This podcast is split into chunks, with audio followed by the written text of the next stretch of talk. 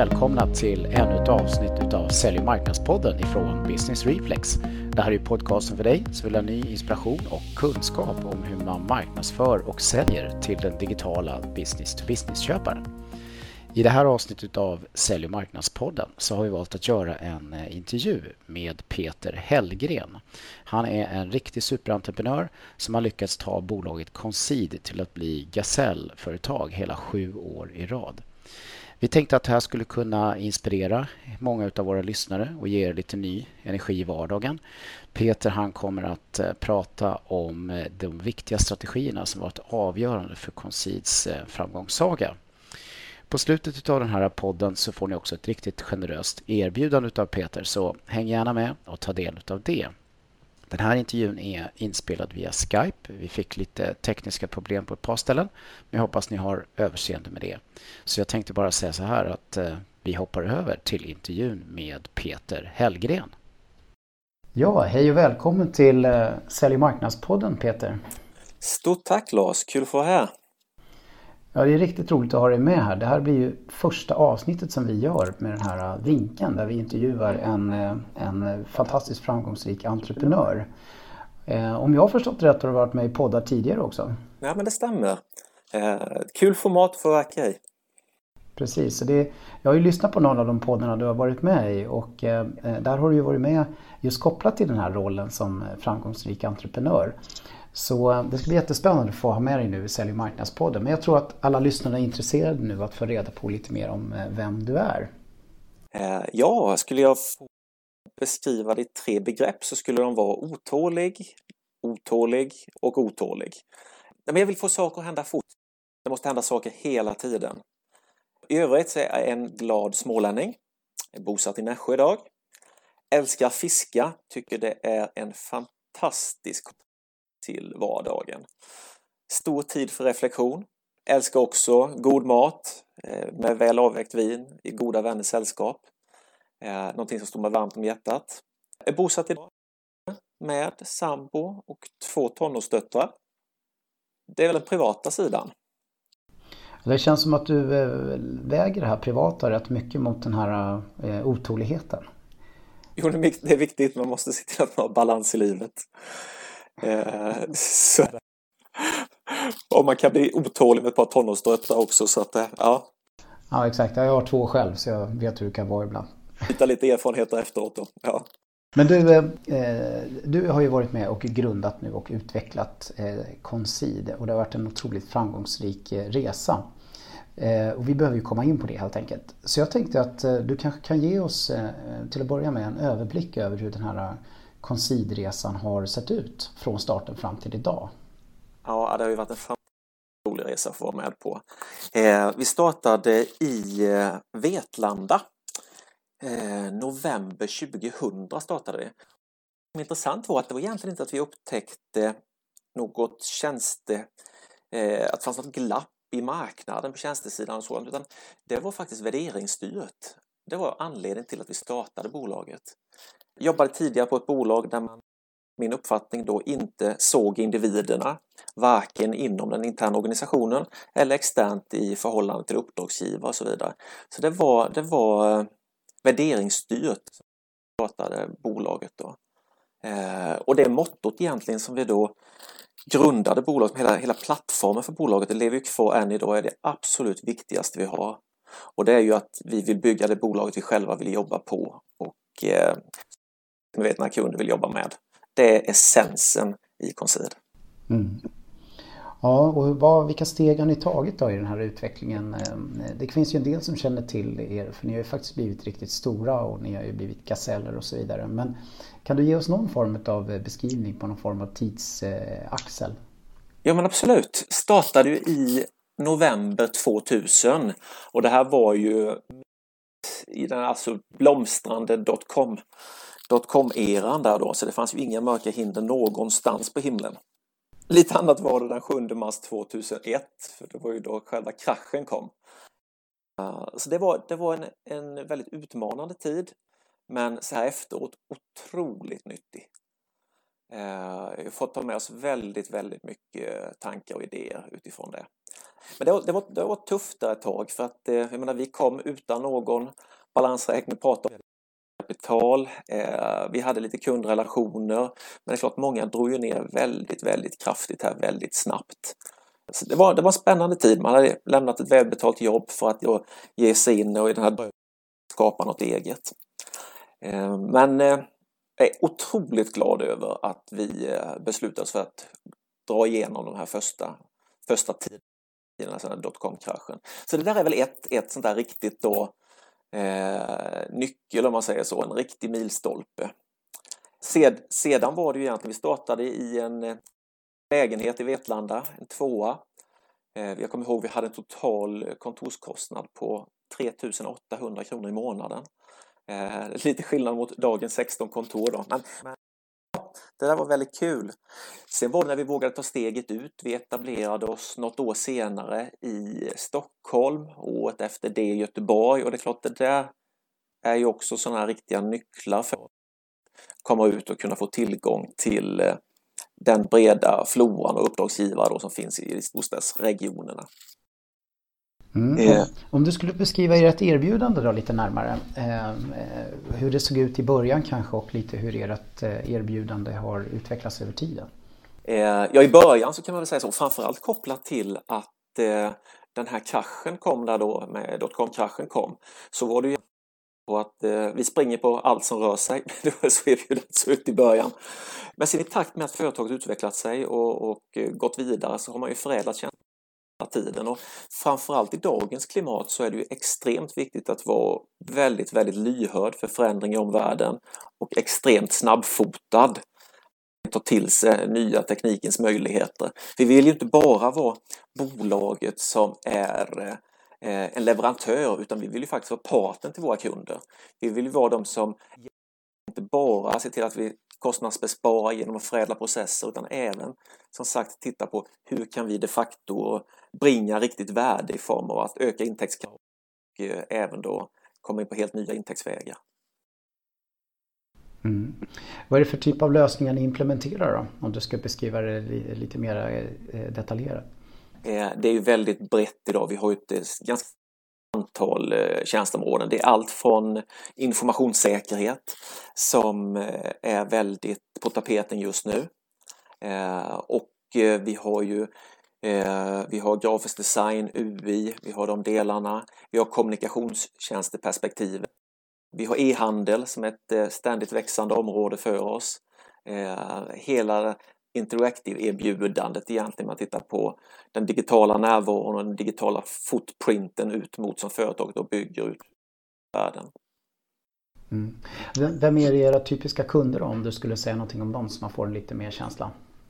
Eh, vi speglar faktiskt BNP ganska väl. Vi har ungefär 50% omsättning relaterat till det offentliga eh, och Eh, 50 då mot den privata näringen. Tittar man på den privata sidan så spänner den alltifrån eh, medtech till fintech till eh, tillverkande bolag, bank, finans, försäkring, andra områden som, som växer väldigt kraftigt. Framförallt när nischbankerna nu kommer upp så händer det ju jättemycket på den sidan samtidigt som de mer stora etablerade bankerna måste möta den här konkurrensen på ett nytt sätt.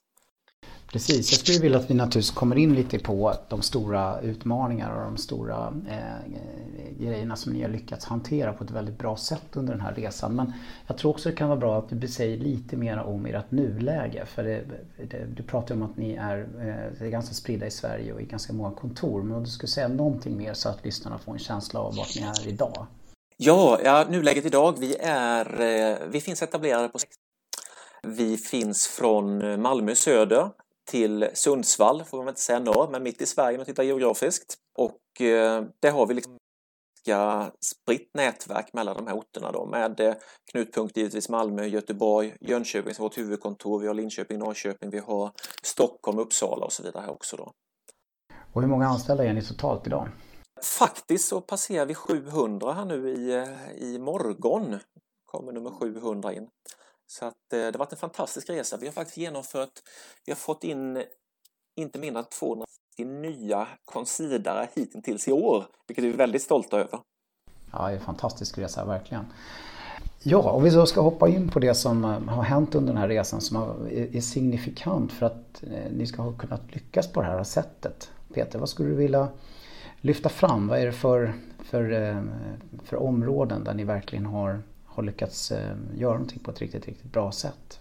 Det mest centrala skulle jag säga idag det är, det är värdegrunderna. Eh, värderingsmässigt hur man bygger, hur man bygger, man bygger Eh, kulturen och hur man fyller den här kulturen och, och bolagets varumärke med väldigt positiva attribut. Det är nummer ett, absolut. Någonting som vi eh, också hade med oss väldigt tidigt, det var just det här att knäcka nöten med försäljning. Eh, var ju någonting som eh, vi hade en del utmaningar med i början.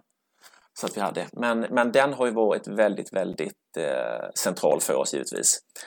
En annan sak är att verkligen äga vår egen tillväxtagenda. Eh, och då tänker jag framförallt på hur man hanterar rekrytering. Sen är det givetvis, vi finns på 16 orter och vi kommer in på det här med värderingsstyrt, eh, men det är också att bygga en kultur, en gemensam kultur fördelad på flera olika geografiska lokalisationer är också en del som är väldigt viktigt för oss. Vad bra, men jag tänkte att vi kanske skulle dyka in i de här lite, eh, lite djupare då. Det här med att bygga kultur, det verkar ju verkligen ha varit grunden i varför det här företaget överhuvudtaget finns. Eh, att det var det som var det ni liksom trodde på, er värdegrund, er kultur. Eh, och det, det, är ju många som känner att det där är, är viktigt eh, men det kanske inte har varit så viktigt förr utan man kanske försöker föra upp det lite mer på, på sin egen agenda i bolaget. Men hur skulle du beskriva, varför är det så otroligt viktigt för? Och det, där, det där är ju superintressant. För på något sätt, framförallt som ett tjänsteproducerande bolag, eh, vår, eh, vår balansräkning den går ut genom dörren klockan fem varje dag.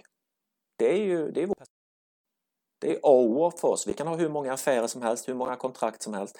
Men har vi inte riktigt duktiga, drivna individer hos oss så eh, har vi ingenting att leverera.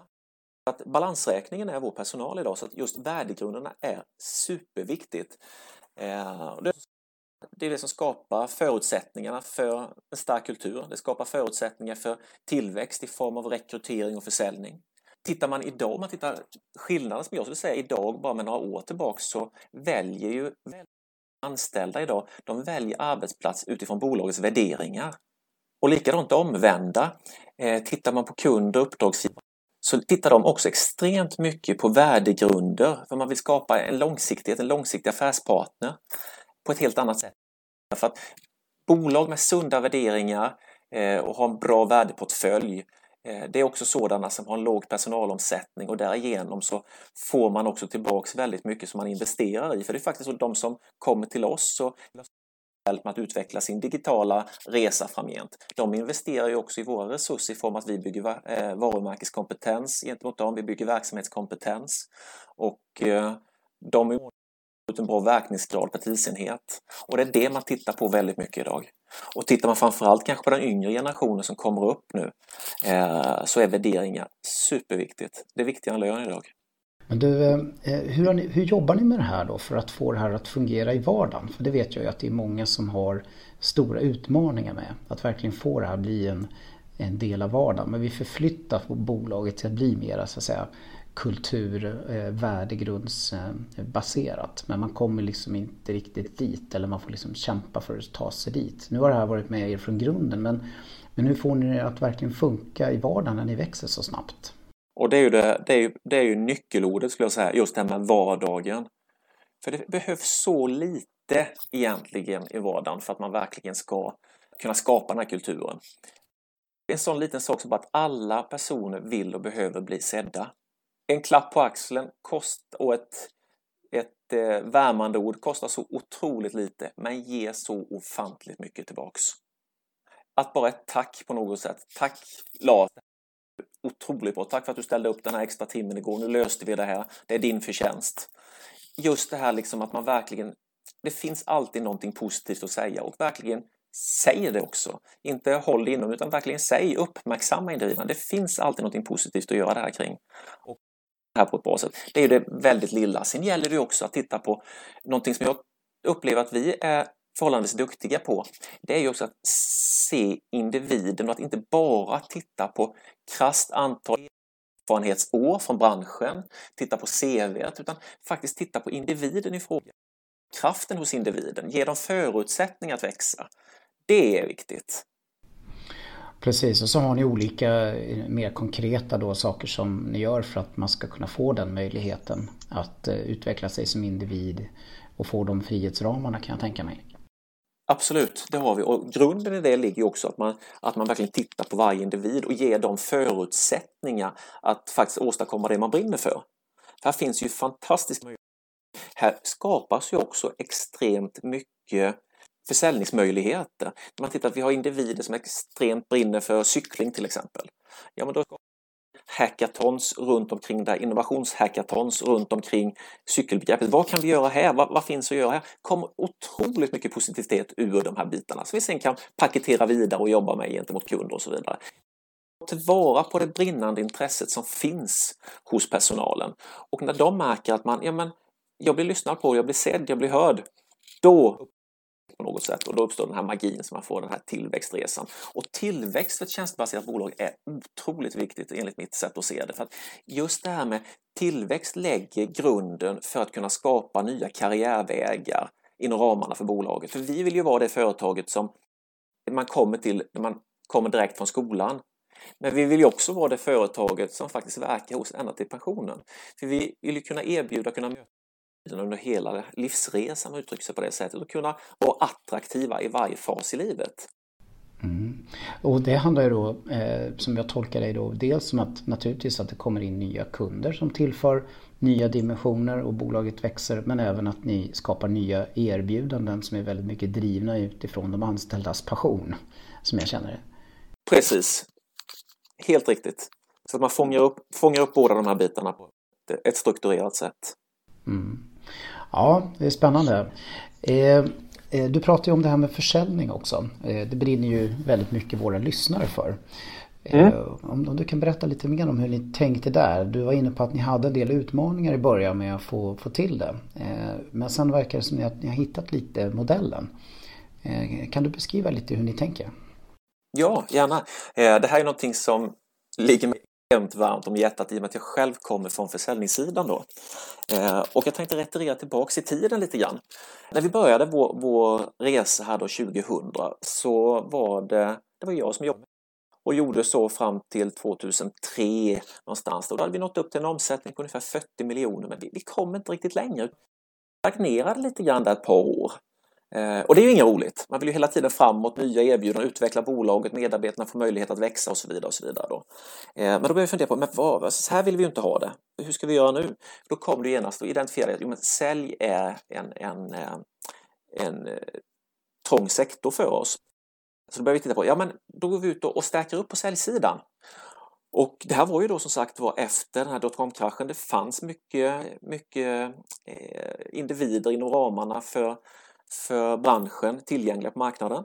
Och eh, vi gick ut först en individ med massor med års erfarenhet och det vi i princip fick det var dyra representationsnoter men ingenting annat. Eh, så jag tänkte men nu går vi ut så gör vi om och så gör vi rätt. Och då tänkte vi precis likadant nästa gång också. Vi tog någon med massor med års erfarenhet och det blev inte bättre den rundan. Jag tänkte, jag, men vad sjutton, hur ska vi göra nu då? Jo, men då tänkte vi så här, men vi vänder på kuttingen helt och hållet. För vi vill ju faktiskt, vi, det viktigaste för oss är att kunna förmedla våra värderingar. Och vad är det vi är då? Jo, vi är entreprenörer på det här. Så vad vi sökte då istället, det var någon som kom ut direkt från skolan men som hade entreprenörskapet med sig hemifrån. Det hade pratats affärer vid frukostbordet, där man hade suttit och diskuterat problem på kvällskvisten. man hade med sig det här i, i, från sina föräldrar. Så vi vände på kuttingen och gjorde det och lyckoträff för oss. Då tog det genast fart och så kom vi igång med den här tillväxtresan ordentligt efter det. Sen kände jag att men det här är sättet vi ska bygga på. Sen har vi fortsatt eh, att eh, växa på men även kompletterat med, med eh, eh mer erfarenhet då när det gäller olika typer av erbjudanden och, eh, och försäljningar allt efterhand så att säga när vi har byggt upp säljorganisationen. Då. Eh, för, för mig låter det som att du ser det här som rätt självklart men jag vet att det inte är det för många tjänsteföretag. Eh, för, för jag tolkar det som att de här har varit säljare på heltid. Eh, de här entreprenörssjälarna, unga entreprenörssjälarna som ni tog in som säljare. Ja. Eller hur? Det stämmer det? Så de, var, de har varit säljare och deras uppdrag har varit att skapa nya affärer? Absolut, men innan kommer man ju direkt från skolan då i början. Ja, just det. Men de har inte liksom nej, haft en nej, konsultroll där man ska sälja och vara konsult samtidigt och sådär? Det har man inte. Eh, för på, på, på, vårt sätt att se det där lite grann, för det är ganska vanligt förekommande annars. Men på något sätt så tycker vi det är väldigt viktigt för förtroendet för våra konsulter som är ute och jobbar hela tiden i, i, i det dagliga. Att det, det måste liksom, ärligheten gentemot våra vara där på något sätt att deras ändamål ska inte vara att bara dra in mer affärer utan deras ändamål ska ju se till att ja, men här skapar vi rätt förutsättningar för kunden att verkligen utvecklas. Enligt vår vision i det här fallet då, vi ska se till att våra kunder blir bäst i världen på det de gör genom att utnyttja den digitala världens möjligheter. Just det, en säljare som är med här och vinner en ny kund, är det också så att den säljaren jobbar vidare med den kunden i en, en kundutvecklingsrelation eller kommer någon annan in och jobbar med att ansvara att vidareutveckla och förvalta? Nej, jag följer med kunden. För det är återigen gäller i, i, vår, i vår värld så är det så otroligt viktigt att bygga relationer och bygga långsiktigt. Det finns ju det här kända begreppet att eh, det är tio gånger så svårt att ta en ny kund som det är att utveckla en befintlig. Men det där bygger ju väldigt beroende för kan vi visa att vi levererar ett värde för varje tidsenhet som vår uppdragsgivare investerar hos oss, då verkligen uppstår ju magi på någonstans förtroende över tid. Eh, och då är det viktigt att, att eh, det här med, det är viktigt med låg personalomsättning, det gäller konsulterna i och med att man bara investerar inte i teknisk kompetens utan man investerar ju även i verksamhetskunskap det gäller sälj. Många av mina absolut bästa vänner idag, de har jag haft förmånen att få träffa genom jobbet. Ja, väldigt intressant att höra berätta om det här att ni verkligen har haft en, eh, efter det här stålbadet i början så bestämde ni för en, att eh, gå ganska tvärt emot. Eh, satsa på en annan typ av säljorganisation framförallt att ha tydliga säljare. vilket ju många egentligen inte gör när man är ett utpräglat konsultföretag eller tjänsteföretag. Det är riktigt, så är det ju. Men om vi ska gå vidare lite då. Du, ni har ju anställt en väldig massa människor. Eh, helt klart. Eh, det framgår ju av din beskrivning här. Du är ju också inne lite grann mm. på att, eh, att det har varit en väldigt viktig framgångsfaktor naturligtvis att ni har lyckats med det här på ett bra sätt. Kan du berätta lite mer om hur ni tänker där och jobba med den så processen? Ja, nej men absolut. Och eh, när det egentligen gick upp för oss, och det här kan man ju om det är någonting man ångrar lite grann, varför såg vi inte det här tidigare för? För det är ju ganska självklart egentligen. Eh, när vi började, man börjar bygga bolag och man börjar titta så här, men då vänder man sig liksom, ja men vad har jag för kontakter, vilka känningar har jag och så vidare. Men man vet vad varje individ går för och så vidare. Men den där, den där vänkretsen och den här kretsen runt omkring, den försvinner förhållandevis fort när man är under en kraftig tillväxt. Eh, så då började jag tänka på, ja, men hur gör vi nu då? För vi vill ju inte bromsa in på grund av att vi inte liksom är tillräckligt framåtlutade i det här. Så då började jag tänka, ett rekryteringsbolag som är specialiserade på att hjälpa oss just med, med rekryteringar, tillväxt och så vidare. Men sen är vi smålänningar. Eh, att eh, vi gick inte bara ut till så att, ja men okej, okay, vad kostar det om vi ska gå ut och lägga ut ett uppdrag på att rekrytera en riktigt vass .NET-profil, en systemutvecklare hos eh, rekryteringsbolag X. Och då fick man in ett enhetspris på det. Och sedan så eh, tänkte jag, aha, mm, men vårt, eh, vårt behov är bra mycket större än en. Så grupperar vi det här och vi lägger ut fem eller tio rekryteringar, då borde vi få ett bättre enhetspris.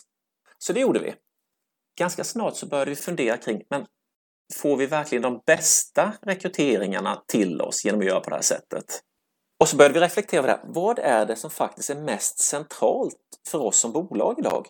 Jo, men det är ju se till att vi behåller rollen vi har och de får möjlighet att utvecklas och växa inom ramarna för organisationen. Och sen så är det ju faktiskt titta på det tillskottet vi har i balansräkningen i form av humankapital. Det Centrala vi har, det är ju kärnan i hela vår verksamhet i och med att vi inte har några maskiner som producerar någonting eller sånt utan det är ju vår, det är ju vår, vår personal som är hela vårt värde. Så i började tänka att ah, den processen måste ju vi Så det här var väl, en, vad kan det vara, det är nog sex år sedan tror jag. Och, eh, så då började vi anställa, mm, vi anställer en egen så för sex år sedan så anställde vi den första och idag så är vi väl nästan 30 heltidsanställda rekryterare. Mm. Så att ni har verkligen sagt att det är en affärskritisk process för oss och den måste vi liksom kunna göra minst lika bra som vi gör säljet. Så är det absolut. Det är en väldigt affärskritisk process för oss att se till att vi får in rätt individer. Och när jag säger rätt individer, rätt individer i förhållande till tekniska kvalifikationer, utan det är rätt individer kopplat Man måste ha båda dimensionerna på något sätt. Och vem, vem kan göra och förmedla det bättre än vi själva? Exakt. Ja, det är intressant. Eh, jätte, jättehärligt Peter. Du, en annan grej som jag tänkte vi kanske kunde snurra lite grann kring. Eh, det var ju det att du har ju berört det här lite grann att, eh, att du känner att ni, eh, ni verkligen behöver vara hypersnabba och kunna så att säga anpassa er hela tiden. Eh, mm. Många pratar ju om det här med, med, agila organisationer på olika sätt och vis och, och det, där har ju olika organisationsdelar kommit väldigt olika långt i hur man tänker kring det här med agila metoder och så. Men kan du berätta lite hur, hur du tänker kring det där och hur ni lyckas faktiskt skapa den här hypersnabba pareringen? Ja, äh, precis. Eh, en devis som vi har det är ju att eh, överge långsiktig planering för hypersnabb eh, eh, eh det går så ofantligt fort idag. Eh, jag brukar säga lite grann att, att, vi som verkar inom den här nischen, eller det här skrået idag, vi befinner oss lite mitt i den perfekta något sätt. För man kan glömma det som, om man får sticka ut näsan och hakan lite grann här nu då, att glöm det som ben och kött kan producera utan titta istället på det som vi faktiskt kan bringa i värde i form av innovation och kvalitativa idéer. Eh, det är där framtiden ligger. Och då gäller det att vara extremt snabb Alltså inte bygga tröga organisationsträd utan en platt organisation där man hela tiden ifrågas, konstant ifrågasätter vad vi gör. Och devisen framförallt är att är inte vem som sa det utan framförallt vad som har blivit sagt.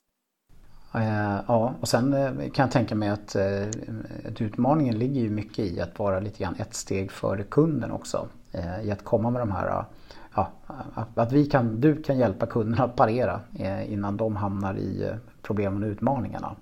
Och att det blir en drivkraft i sig.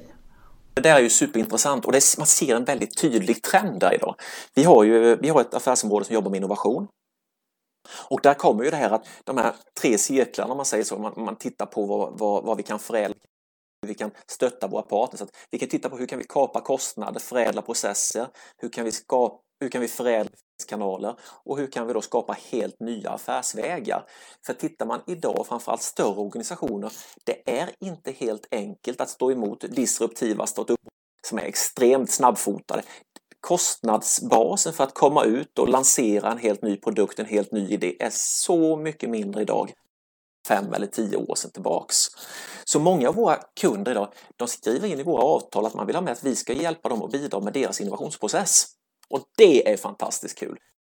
Förtroende, men då får man också vara med faktiskt att verkligen dra nytta av alla de kontaktytorna som vi har runt om i, i alla våra arbetsgivare och alla våra led och så vidare. Kunna utnyttja kostbefruktning på ett bra sätt. Man tittar, vissa branscher har kommit extremt långt inom det här skrået. Hur kan vi då liksom titta på de delarna för att de facto faktiskt kunna eh, applicera det på ett helt, en helt annat branschben? Och det här, här är ju när man verkligen känner att den här poletten trillar ner, och då uppstår kärlek på riktigt. Liksom. Det är spännande. Men du, eh, det är kul att prata om sådana här frågor. Tiden rullar på. Mm. Jag tror verkligen har fått eh, tror jag, ge mycket inspiration till, till många lyssnare kring de här delarna vi nu har gått igenom.